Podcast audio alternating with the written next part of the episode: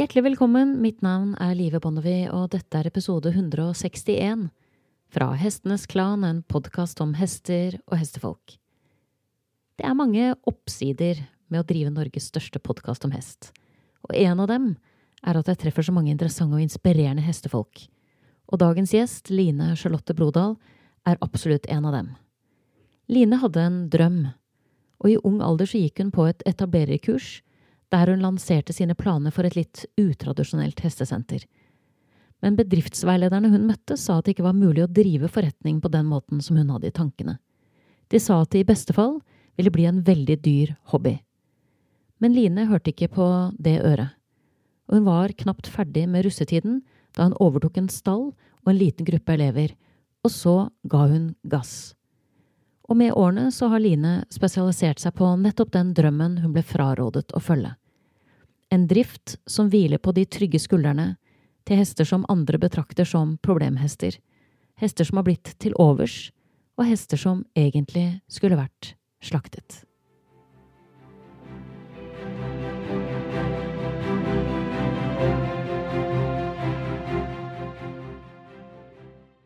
Ok, Line, her sitter vi, og dette er en samtale som jeg gleder meg til å ha. Så bra.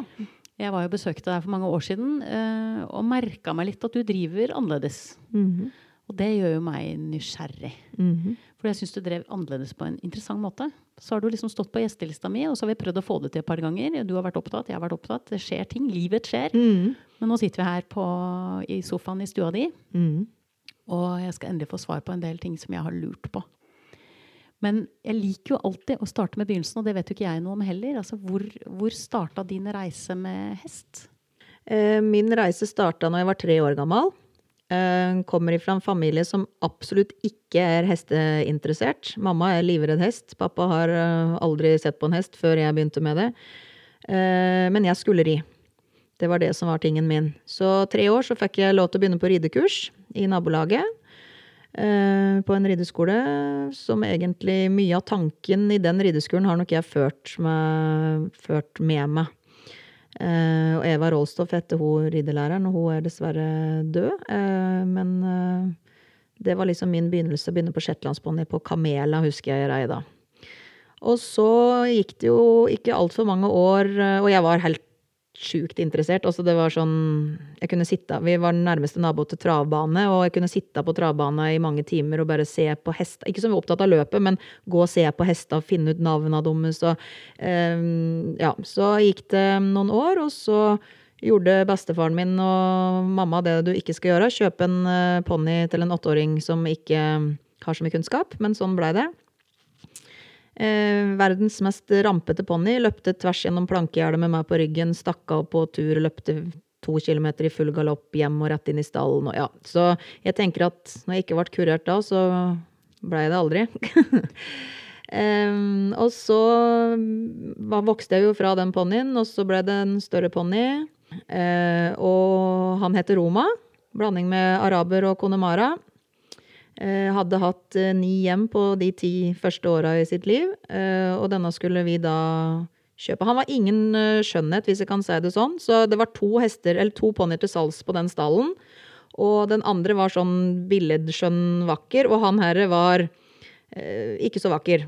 Men jeg ville ha han. Det var liksom, En gang jeg gikk inn, så var det sånn Det, det var hesten min. Betyr det at han var vakker for deg? Ja, veldig. veldig. Ja. Jeg syns han var veldig vakker. Ja, eh, og han var en meget spesiell type. Så han er egentlig grunnlaget, og tror det er han som har gitt meg det at jeg må tenke litt annerledes. Eh, han var bestemt, og hvis ikke jeg gjorde min jobb, så protesterte han. Og han protesterte så tydelig at det gikk ikke an å unngå å oppdage det. For eksempel så mm, var jeg på sprangtrening en gang og kom inn til et, en stor okser. Jeg var jo egentlig livredd for å drive med sprang, så jeg skjønner ikke hvorfor jeg drev med det, men alle andre drev med det, så da blei det slik. Kom inn på en stor, brei okser øh, for en kjent trener, og jeg var nervøs. øh, og ville jo at dette skulle gå best mulig, selvfølgelig. Eh, hvorpå han merker at jeg har ingen støtte i beina. Stopper ti meter foran hinderet og sier at ikke om jeg gidder å gjøre det her, om ikke rytteren gjør jobben sin. Begynte å protestere med å småsteile litt, som han jo kunne finne på. Og jeg ga skjenkel og prøvde liksom i mitt beste å få styrt han framover, og han bare begynte å rygge, som han òg kunne gjøre. Rygga, rygga, rygga til han møtte ridebanevante. og da var det jo ingen muligheter å rygge, så, og fram ville han jo ikke. Så da bare seig den ned i sånn eh, sittende elefant, sirkuselefantposisjon med meg på ryggen. Nekte å flytte seg.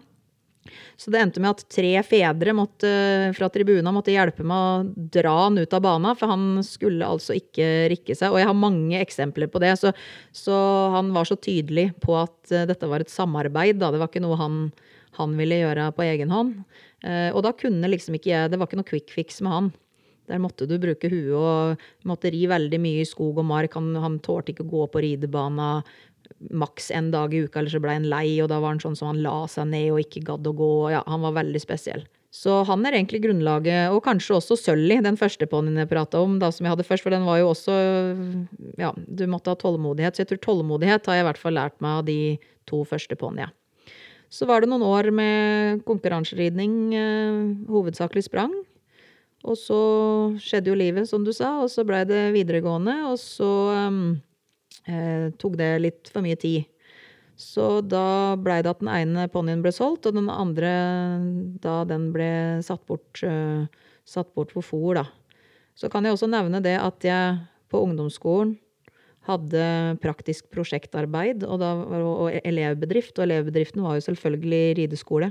Så jeg hadde da 16 elever i, da var jeg 14 år, hadde 16 rideelever i uka på de tre ponnia jeg hadde hjemme. Og det dreiv jeg i to år. Jeg hadde til og med rideleir i kjelleren, kjellerleiligheten hos bestemor og bestefaren min. Jeg husker det kostet 250 kroner for å være med i tre dager, og det var mat inkludert. så, så, bestemor og bestefar og mamma smurte vel brødskiver og serverte og drev. Da hadde jeg fem, tror jeg, yngre, da. Og jeg var 14, og de som var med, var jo sikkert fra 6 til 12 år eller noe, da. Så jeg lærte mye. Så jeg har funnet igjen mye gamle bøker med timesoppsett, og vi lekte jo hest hele tida. Og det er masse bøker med, med hestenavn og banetegninger og stalltegninger. Altså, det har ligget i meg hele tida, tror jeg. Um, så det var vanskelig å, få, altså, vanskelig å få meg til å slutte med den, uh, den interessen der. Jeg gjorde også en deal med en, uh, en travtrener i nabolaget hjemme. Uh, han hadde jo en del hester som han ikke kunne bruke til trav. ikke sant? De gikk ikke fort nok, og da skulle de egentlig avlives. For det var ikke noe salgbart. Og det synes, husker jeg syntes var så fælt. Så da gjorde jeg en deal med han at de hesta som han da Det var en sommer som han skulle kvitte seg med en varmblodstraver, en kaldblodstraver, og de var ikke innridd eller noen ting. Og da tipper jeg var 14-15 år. Så da var avtalen at jeg tok de hesta hjem til meg og hadde dem på sommerbeite trente dem opp, og så sa jeg til han da, da selger jeg dem, og så deler vi penga, sier jeg til han. Det ble uansett billigere for han. Og så endte det med at i slutten av sommeren så hadde jeg jo ridd om inn begge to, som funka sånn tålelig greit som hobbyhest. Og da fikk jeg igjen 10 000 for den ene og 15 for den andre, så det blei bra med, med, lønning for meg. Og det er ikke så veldig lenge siden jeg prata med hun som kjøpte den, og den lever faktisk fortsatt. og jo, Den var jo over 30 år nå, så det er jo litt artig da, at den uh, kunne få sjansen å ha samme eieren hele tida. Så, så, sånn var det det begynte. Og så føler jeg når jeg sitter her, Nå har vi starta dagen med å, å, ta en liten runde mm. innom de tre områdene nå hvor du har hester stående. Mm. Eh, er det litt nærliggende å tenke at det er rundt 50 hester, eller? Ja, det er 59 sånn som det er akkurat nå. Eh, jeg har jo litt flere nå enn jeg egentlig tenker at jeg skal ha, fordi jeg har et generasjonsskifte. Eh, og jeg har For du hadde en del eldre hester? ja, 20 hester? hester over 20 år nå. Um, og noen som er tett oppunder 20. Og så er det sånn, når man skal drive på den måten jeg driver, så kan jeg ikke bare ta inn en hest og tenke at den skal funke med en gang. Det tar gjerne et år eller to før de yngre er klare for å ta over jobben. Så i en toårsperiode nå så har jeg fått inn en del yngre hester som vi har trent opp og begynner å bli klar for å gå i virksomhet. Men så er det jo ikke slik at jeg klarer å dømme ut de gamle før de blir så gamle at de ikke kan leve lenger. Da. Så da er det sånn mellomsjikte nå. Så jeg veit jo i mitt hjerte at de gamle forsvinner, dessverre. Men uh, sånn er livet. Så da har jeg i hvert fall en, en, gjeng som står klare til å ta over med ungdommelig mot. Forstår jeg deg riktig da at i din rideskole så er det livsløp, rett og slett? At hesten er der hele livet sitt? Målet er det. Mm. Så sant ikke det viser seg at de trenger noe annet enn det jeg kan tilby, så er målet det at når de kommer hit, så er det siste stopp. Uh, og ikke det at de er så forferdelig gamle alle heller, men, uh, men, det er rett og slett Når de kommer hit og har sin bakgrunn, uh, så er det Hvis de på en måte da viser tilliten sin til meg da, og velger å slippe en del av de, hvis vi tenker problematferd i hvert fall, og stress og i det hele tatt, så hvis de velger å vise meg den tilliten, at de, de slipper det her og kommer inn og, og, gjør en god jobb for meg, hvorfor skal jeg sende dem av gårde da? Da er det, min, da er det lønna deres at de får være her i sitt stabile miljø med sine kompiser og eh, med det samme opplegget til den dagen de ikke skal være lenger. Jeg angrer meg jo grønn hver gang det skjer at jeg må ta dem, da selvfølgelig, for det hadde vært mye lettere å sende dem bort og la noen andre ta det, men, men det er på en måte ja, det er slik det må bli, tenker jeg da. Og jeg er ikke forferdelig glad i å kvitte meg med dyr, så, så, det blir liksom løsningen. Men jeg har jo noen som, eh, som har blitt lånt bort i perioder, og noen som, som uh, har fått andre, andre, løsninger. Så det er ikke sånn skrive hardt i stein. Hvis det fins et bedre alternativ, så, så, får de det, altså. Men hvis de trives her og syns at det er bra, så er det det som er målet. Og denne eh, gjengen som du sier, det er, det er mye forskjellig. Det, ikke sant? Du nevnte jo det er en del av de norske rasene, men det er PRE, det er liksom det er, det er, det er fra smått til stort. Mm, og fra mm. tungt til lett. Mm. Um, hvordan havner disse hestene hos deg? Nei, det også har jo endra seg litt. Eh, jeg må jo si at som ung og naiv og nyoppstarta, så var det veldig mye gamle hester. Og da litt sånn at jeg tenker at det var litt vondt å ta avgjørelsen sjøl. Så de syntes det var veldig lettvint å sende 20-åringer til meg, sånn at jeg kunne bruke dem et par år, og så slapp de å ta den kjedelige avgjørelsen. Um, så da var det jo var det jo mye liksom private med gamle hester, eller pensjonerte hester, da. Uh, men det har jo endra seg litt nå i de åra, 13 åra som jeg har drevet her, da. Ja, det blir jo 17 år til sammen, da, men Så det er på en måte mye fra det private, eh, og så er det litt gjennom Mattilsynet. Eh, det er jo ikke så ofte det beslaglegges hest da, men eh, noen, noen, caser på det har vi hatt. Men jeg tenker at det handler litt om at den tidligere eieren kanskje ser litt sine egne begrensninger i mange tilfeller. Det kan være hester som, unge hester som ikke har fått den oppfølginga de har trengt, så at det har blitt for mye hest, rett og slett. Eh, det kan være, sånn som jeg pratet om i stad, en bestefar som har kjøpt en ponni til et barnebarn, eh, og så har det gått litt skeis. Så den har fått litt, som litt overtak, og de har blitt litt redd hesten. Det kan være konkurransehester som har fått diverse ting i skrotten som gjør at de ikke kan gå på høyt nivå lenger, men som fint kan gå som sånne ruslekompiser eh, her hos oss. Og så er det jo da i de saka der det blir beslag, så er det jo rett og slett at, de, at det er omsorgssvikt eller mangel på økonomi eller ja. Men det er ikke så veldig mye av det, da. Det er det ikke. Men øh, prøver jo å tenke gjennom Jeg kunne hatt 5000 hester hvis jeg hadde sagt ja til alt i løpet av de 17 åra, det er jeg helt sikker på. Så, så jeg har jo en jeg har jo en, en, grense for hvor mange jeg kan ha, først og fremst pga. det økonomiske. Men så er det jo òg sånn at vi kan jo ikke leve Vi lever jo ikke i en Disney-verden, selv om vi skulle ønske det. Så, så, det er ikke alt jeg jeg kan ikke trylle, så jeg får jo ikke til eh, alle. Men jeg må se at det er et potensial der til at de på et eller annet tidspunkt kan komme inn i virksomheten og klare å tjene inn maten sin, eller utgiftene sine, da. Det er liksom vært. Så det er kanskje litt annerledes enn andre sånne rescue-plasser. At her jobber de litt eh, for maten sin, holdt jeg på å si. Eh, så det er ikke bare et sånt friområde der de går. Det er litt begge deler. Og jeg syns jo det er fint å kunne både bringe kunnskapen min videre, men også lære at folk får lære litt om hest, kanskje på en litt annen måte, da. For det som blir litt interessant, da, er at når du har såpass mye hest For det er jo, det er jo hest som om det er en veldig, veldig stor rideskole. Mm, mm. Men du sa noe om uh, hvordan du tenker rundt hvor mye de blir brukt i rideskolen. Mm. Da er det jo sammenheng med både at noen av dem er um, er uh, uerfarne, uh, men også med at noen har skadeproblematikk. Eh, så det er jo en del av det, at jeg ikke vil at hun skal gå for mye, så ikke du framprovoserer noe. Men det andre med det er jo at jeg har sagt at de hestene som kommer hit, de skal få leve her livet ut. Og hvis de skal leve her livet ut, så kan de ikke være drittlei folk etter tre år fordi de har gått sju timer om dagen, eller hva enn det måtte være. Så jeg må på en måte begrense bruken, og jeg føler at hesta Ja, at det skal være et, eh, et respektabelt nivå av jobb, da og fritid Det skal ja, være jevnt fordelt. Uh, og jeg tror jo at um, når jeg har så mye hester, da, så er det jo også lettere å finne den hesten som man trives med. Det sier seg sjøl, det blir jo flere hester å velge på. Og jeg syns ikke Sikkerhetsmessig så vil ikke jeg sette en liten seksåring på en hest på 1,50. For meg så er ikke det sikkerhet. Så det at man har shetlandsbonder, at man har fjordinger, at man har store hester Og klart det er ikke morsomt for en 14-åring å sitte og ri på en shettis hver time heller, så, så hvis du har skader. Og det får man jo når man har så mye hester, så blir det jo alltid noen som har et eller annet. Eh, så skal jeg kunne ha å bytte ut med i tilsvarende nivå slash størrelse. Og så er det jo sånn at de hestene som er, har gått høyt i sporten, de er mer følsomme kanskje i ridninga, kan mer. Eh, og det er ikke alle elever som trives med å bruke en hest som er på plass hele tida, hvis du skjønner meg, i forhold til skjenkler og sånn. Kanskje trenger noen en, en roligere hest som er, er mindre mindre fram og enklere å sitte på. Eh, og så på et eller annet tidspunkt så ønsker du jo da det her med å med utfordre deg sjøl. Så jeg tror at eh, det er veldig artig for de som kommer hit, at det finnes mye å velge på, da. Mm, at du kan få en hest som passer både størrelsen og nivået ditt. Og så forsto jeg det sånn når vi snakket sammen da vi var rundt på disse beitene, at du er ganske nøye med at hva skal jeg si, rytteren finner sin hest. Mm, eller hesten finner sin rytter. Eller hesten mm. finner sin rytter. Så i mange av de her Eh, prosjektene vi driver med i forhold til um, psykisk helse, for eksempel. Da, at det kommer grupper hit som, som uh, skal ha litt sånn dyreassistert uh, aktivitet eller terapi.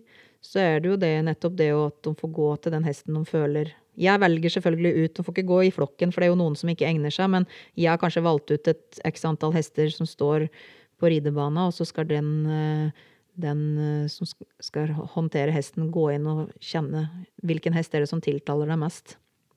Og så blir det en match. Og den blir ofte veldig god, altså. Det er, eh, det er veldig ofte at det stemmer, den magefølelsen.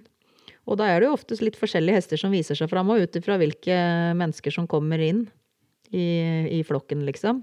Det er ikke, noen er jo uh, Man skulle tro at liksom var de samme hele tida, men det er ikke det. Det er uh, ja, man finner sine. Og da er det også i forhold til sikkerhet og alt, da, så er det mye enklere for meg å sette i gang hvis, hvis den matchen er god i utgangspunktet. For da, da skjønner de, de, Hesten og mennesket skjønner hverandre, liksom. Og det er en god hva skal jeg si, en god grunn, grunnmur da, å bygge videre på. Så jeg tror man må være litt mye hestekjennere, og så må man være litt menneskekjennere for å klare å finne de kombinasjonene som er gode, da. For det er jo liksom, det skal være hyggelig for mennesket, men det skal være hyggelig for hesten òg. Så det er jo liksom en tosidighet som jeg syns er veldig viktig. At det ikke bare det er ikke bare rytteren eller den som driver med hesten, mennesket, som skal ha det bra. Det, hesten skal òg få noe positivt ut av den der kontakten. Så du legger opp hest, på en måte driften din da sånn at hesten skal kunne ha et langt og godt liv? Mm. Uh, og at belastningen skal være, hva skal jeg si eh, lyst til å bruke ordet akseptabel, men altså at det skal være et godt samsvar da, med hva hesten på en måte yter i forhold til hva den får tilbake fra deg. Mm, mm. Så det høres ikke ut som en pengemaskin.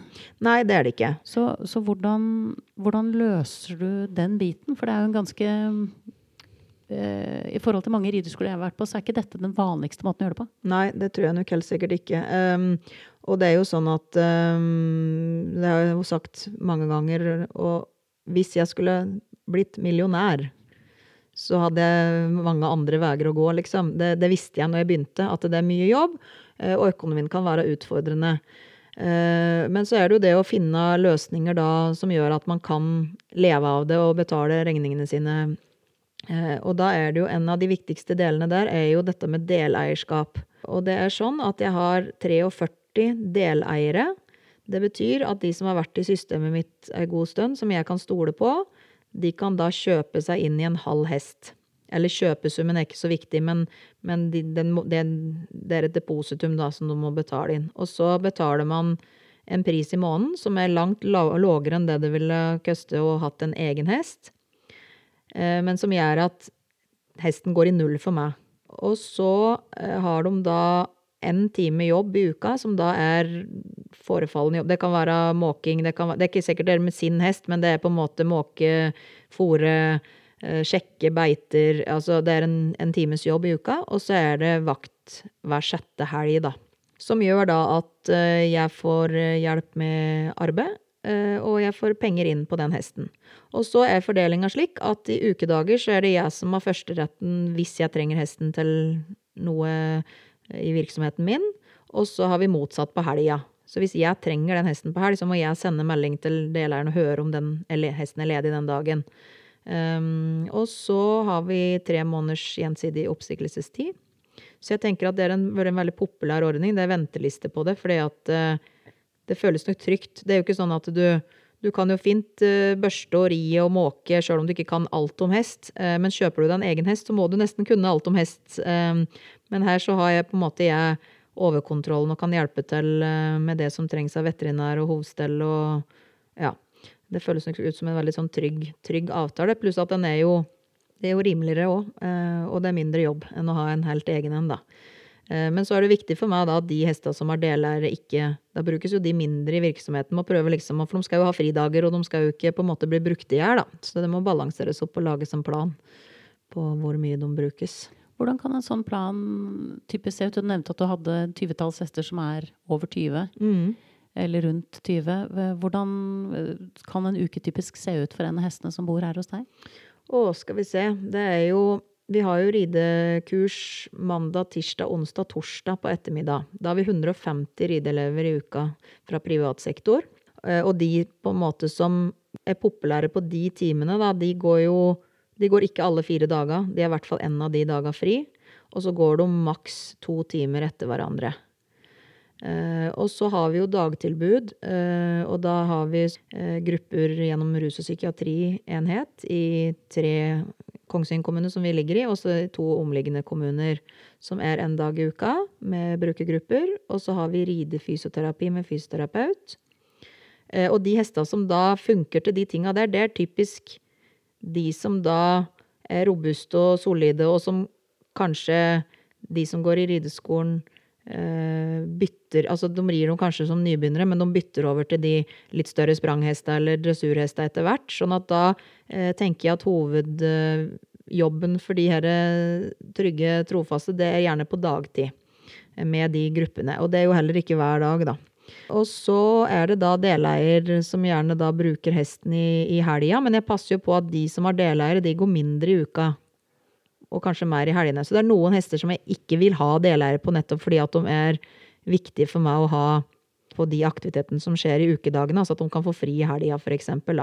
Så jeg prøver liksom å, å tenke at de, de, eh, Ja, det skal være fair, et fair oppsett for hesten, da. At den ikke skal gå lei, at den skal kunne ha sine timer i flokk og, og synes at livet er ålreit, og at den skal synes det er hyggelig når han først kommer inn på, på jobb, liksom. Mm. Og så beskriver du eh, en del av disse hestene da som trygge og trofaste. Mm. Men det er mange av dem som ikke var trygge og trofaste da de kom hit. Mm, mm, Tilsynelatende. Mm, mm, kan du si litt om det? Eh, jeg tenker at eh, det som er med hest, er jo For å få en trygg hest Altså, en redd hest er en farlig hest. Så du må på en måte passe på at den hesten er um, Har alle fire beina godt plantet på jorda og, og føler at um, at livet er avslappet. Det tror jeg er viktig.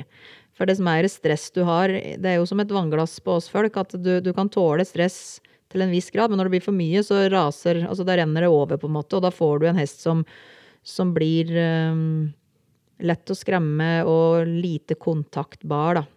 Det er viktig for meg at hesten er kontaktbar for meg som instruktør. Fordi at eh, når du har nybegynnere og ridefysioterapi og sånn, så kan en ikke regne med at den som sitter oppå ryggen, eller den som håndterer den, egentlig kan det. Så da må jeg på en måte kunne klare å forsterke det med mitt eget kroppsspråk fra midten av banen eller på avstand, da. Så jeg føler at uh, hestene mine er, uh, er, gode på det. At jeg trener dem ifra, i starten og setter dem igjennom en del prøvelser som gjør at de på en måte blir godkjent for det de skal jobbe med. Og da under det, i den godkjennelsesprosessen, så, så finner jeg veldig mye ut hva slags type hest dette er. Og det er jo sånn at det er ikke alle hester som vil egne seg som, eh, som, terapihest. Og da er det viktig at jeg finner ut det før jeg begynner å bruke det som terapihest. ikke sant? Og så ser jeg jo da ok, du kan passe til det, du kan passe til det, eller her har jeg en annen arbeidsoppgave som passer bedre. Og så plukker jeg da ut de mest robuste. Men det som overrasker meg, er at det er ganske mange flere som er robuste enn det jeg trodde når jeg starta. Så, så jeg har ganske mange å spille på når det gjelder de trygge, gode greiene. Så flokken er nok det det aller, aller viktigste. Komme i en stabil flokk der du lærer av de andre, og der du veit at andre hester tar ansvar for det som eventuelt er skummelt og farlig. Hvis du er litt sånn nervøs type, da, så får du veldig trygghet i at det er andre stabile hester rundt deg. Jeg vil jo aldri, hvis jeg begynner med en, en ung, fersk hest, så vil jeg aldri ta med meg fem ferske og én trygg på en ridetur. Altså, jeg er jo motsatt. ta med én utrygg og fem trygge, for da vil de smitte over på den som er utrygg. Putte den litt inn i rekka på tur, f.eks. Uh, og så ser jeg jo veldig mye, mye i flokken. Hvem blir den venn med? Det kan fortelle veldig mye om personligheten på hesten. Hvordan reagerer den hvis det kommer en uh, katt inn i inngjerdinga? Uh, hvis naboen setter på robotglassklipperen? Altså bruker mye tid på å se hvordan flokken bygger seg opp, og hvor den enkelthesten, hvilken rolle den har. Da. Og så bruker jeg jo den styrken når jeg jobber med dem i virksomheten òg. Så det handler egentlig om å, å kjenne hestene sine godt. Og når du kjenner hestene dine godt, så kan du ta gode valg for, på vegne av den hesten, som gjør at de får en trygg og god arbeidshverdag. Og er de trygge og gode i jobben sin, så leverer de bra og gjør en god jobb. Og så har jeg liksom tenkt litt slik at um, Hesta de er hos meg, og i en utopisk fantasiverden så skulle jeg helst ha hatt dem gående fritt som villhester alle sammen. Eh, det går ikke. Det må noen inntekter inn, og da er det noe med å, å gi dem arbeidstid så liten del av døgnet som mulig, og frihet resten. Og da har jeg sagt det slik, jeg har faktisk sagt det til Hestad, at de, nå har du så mye fri og goder, og maten detter ned i fanget her, så de timene du er på jobb, da er det litt medbestemmelse, det er jeg åpen for. Men hvis vi er uenige, så er det jeg som bestemmer. Uh, og det virker som de innfinner seg det, altså. At de på en måte, og, og så er jeg nok veldig forutsigbar i måten og, og er litt sånn vanemenneske. Så, så, systemet, når vi har grupper og har arrangementer, så, så er oppsettet likt. Altså, vi står alltid på midten og går opp av hesten. Vi står i kø på samme plasser. Bruker de samme ord og uttrykk. Trener hester veldig mye på stemme, sånn at de skal ikke vite hva de forskjellige tinga er. Og jeg tror at uh, hester er ikke noe annerledes enn unger eller folk generelt. Forutsigbarhet. De veit hva som forventes, de veit hva som kommer. Jeg som arbeidsleder passer på at ikke det blir for mye uforutsette ting, i den graden du kan passe på det, da. Men uh, trenger jo ikke kjøre hele bulldoseren uh, inn eh, på parkeringsplassen når du har ridekurs, hvis du kan unngå det. Kommer det uforutsette ting, så skal de takle det, men, men det å lage minst mulig stress rundt opplegget, så at hesten har muligheten til å konsentrere seg om det han skal jobbe med, det tror jeg er superviktig. Og at hesten veit at jeg tar det ansvaret. For da kan de slappe av. Da veit de at uansett hva som dukker opp, så har jeg kontroll på det, og så kan de uh, være hest og ja, bry seg med, med de tinga. Så det høres kanskje rart ut, men jeg tror det funker, altså. Og så snakket du, snakket du også om um, Brukte eksempel Du har jo noen, en del rullestolbrukere også som mm. kommer her og rir. Mm. Uh, at hestene du bruker der, det er hester som har en forståelse for hva det innebærer når det er den type timer. Kan du mm. si litt mer om det? Mm. mm. Jeg vil ha hester som tenker sjøl på de timene. Uh, og det er noe med Nå er det jo alltid mye fjordinger i ridefysioterapi, og det er en grunn til det. Altså de hestene som kanskje vanlige folk vil synes er sta, men det handler ikke om at de er sta, det handler om at de kommer fra Vestlandet der det er bratt og greier, og du må tenke først og løpe etterpå hvis det er verdt det. Og det kan jeg bruke i min virksomhet og tenke at kommer det en plastikkpose, så vil den hesten stoppe opp og tenke hm, hva er dette, er det plastikkpose?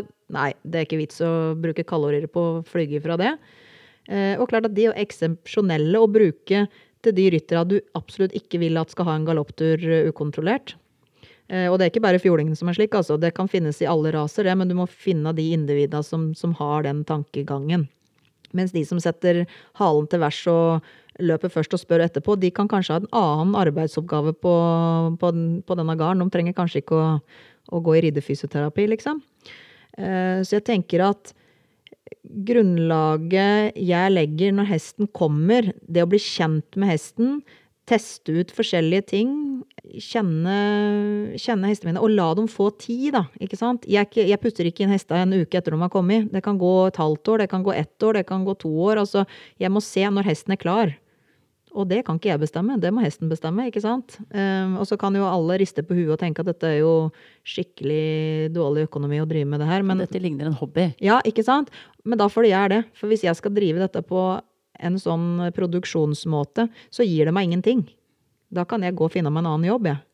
Fordi at da, da, kan jeg ikke stå inne for det. Så, så ja, man må veie litt til og fra. Og, og, det er jo mye Hvis man ser bort ifra Man trenger jo penger for å overleve og for å betale regningene sine, men, men utover det så er det mange måter å måle verdier på. Ikke sant? Og det å på en måte få møte så mye artige, fine hester og så mye artige, fine folk òg, som jeg har innom her, det ja, da får de her luksusreisene, det får jeg spare til seinere. Det får bli en annen, en annen gang. Et annet liv, høres ja, det ut kanskje det. Du har nettopp hørt episode 161 fra Hestenes Klan, en podkast om hester og hestefolk. Og du skal slippe å vente en uke på del to av intervjuet med Line Charlotte Brodal fra Krogsrud gård og hestesenter. For den episoden kommer allerede på onsdag. Og da skal vi blant annet snakke om hva som går tapt av samspill med hesten når prestasjonsjaget tar overhånd. Vi skal snakke om hvordan det påvirker hester å stå i stabile flokker. Og vi skal snakke om hvor verdifullt det er at hesten har sin identitet intakt, og at den erfarer at den har en stemme som blir hørt, for å nevne noe. Da gjenstår det bare for meg å takke min faste komponist Freddy Blom, designeren av podkastens visuelle profil, Ove Hals, ukens gjest, Line Charlotte Brodal, og sist, men ikke minst, vil jeg som alltid takke deg, kjære lytter, for tålmodigheten. Måtte hesten for alltid være med deg.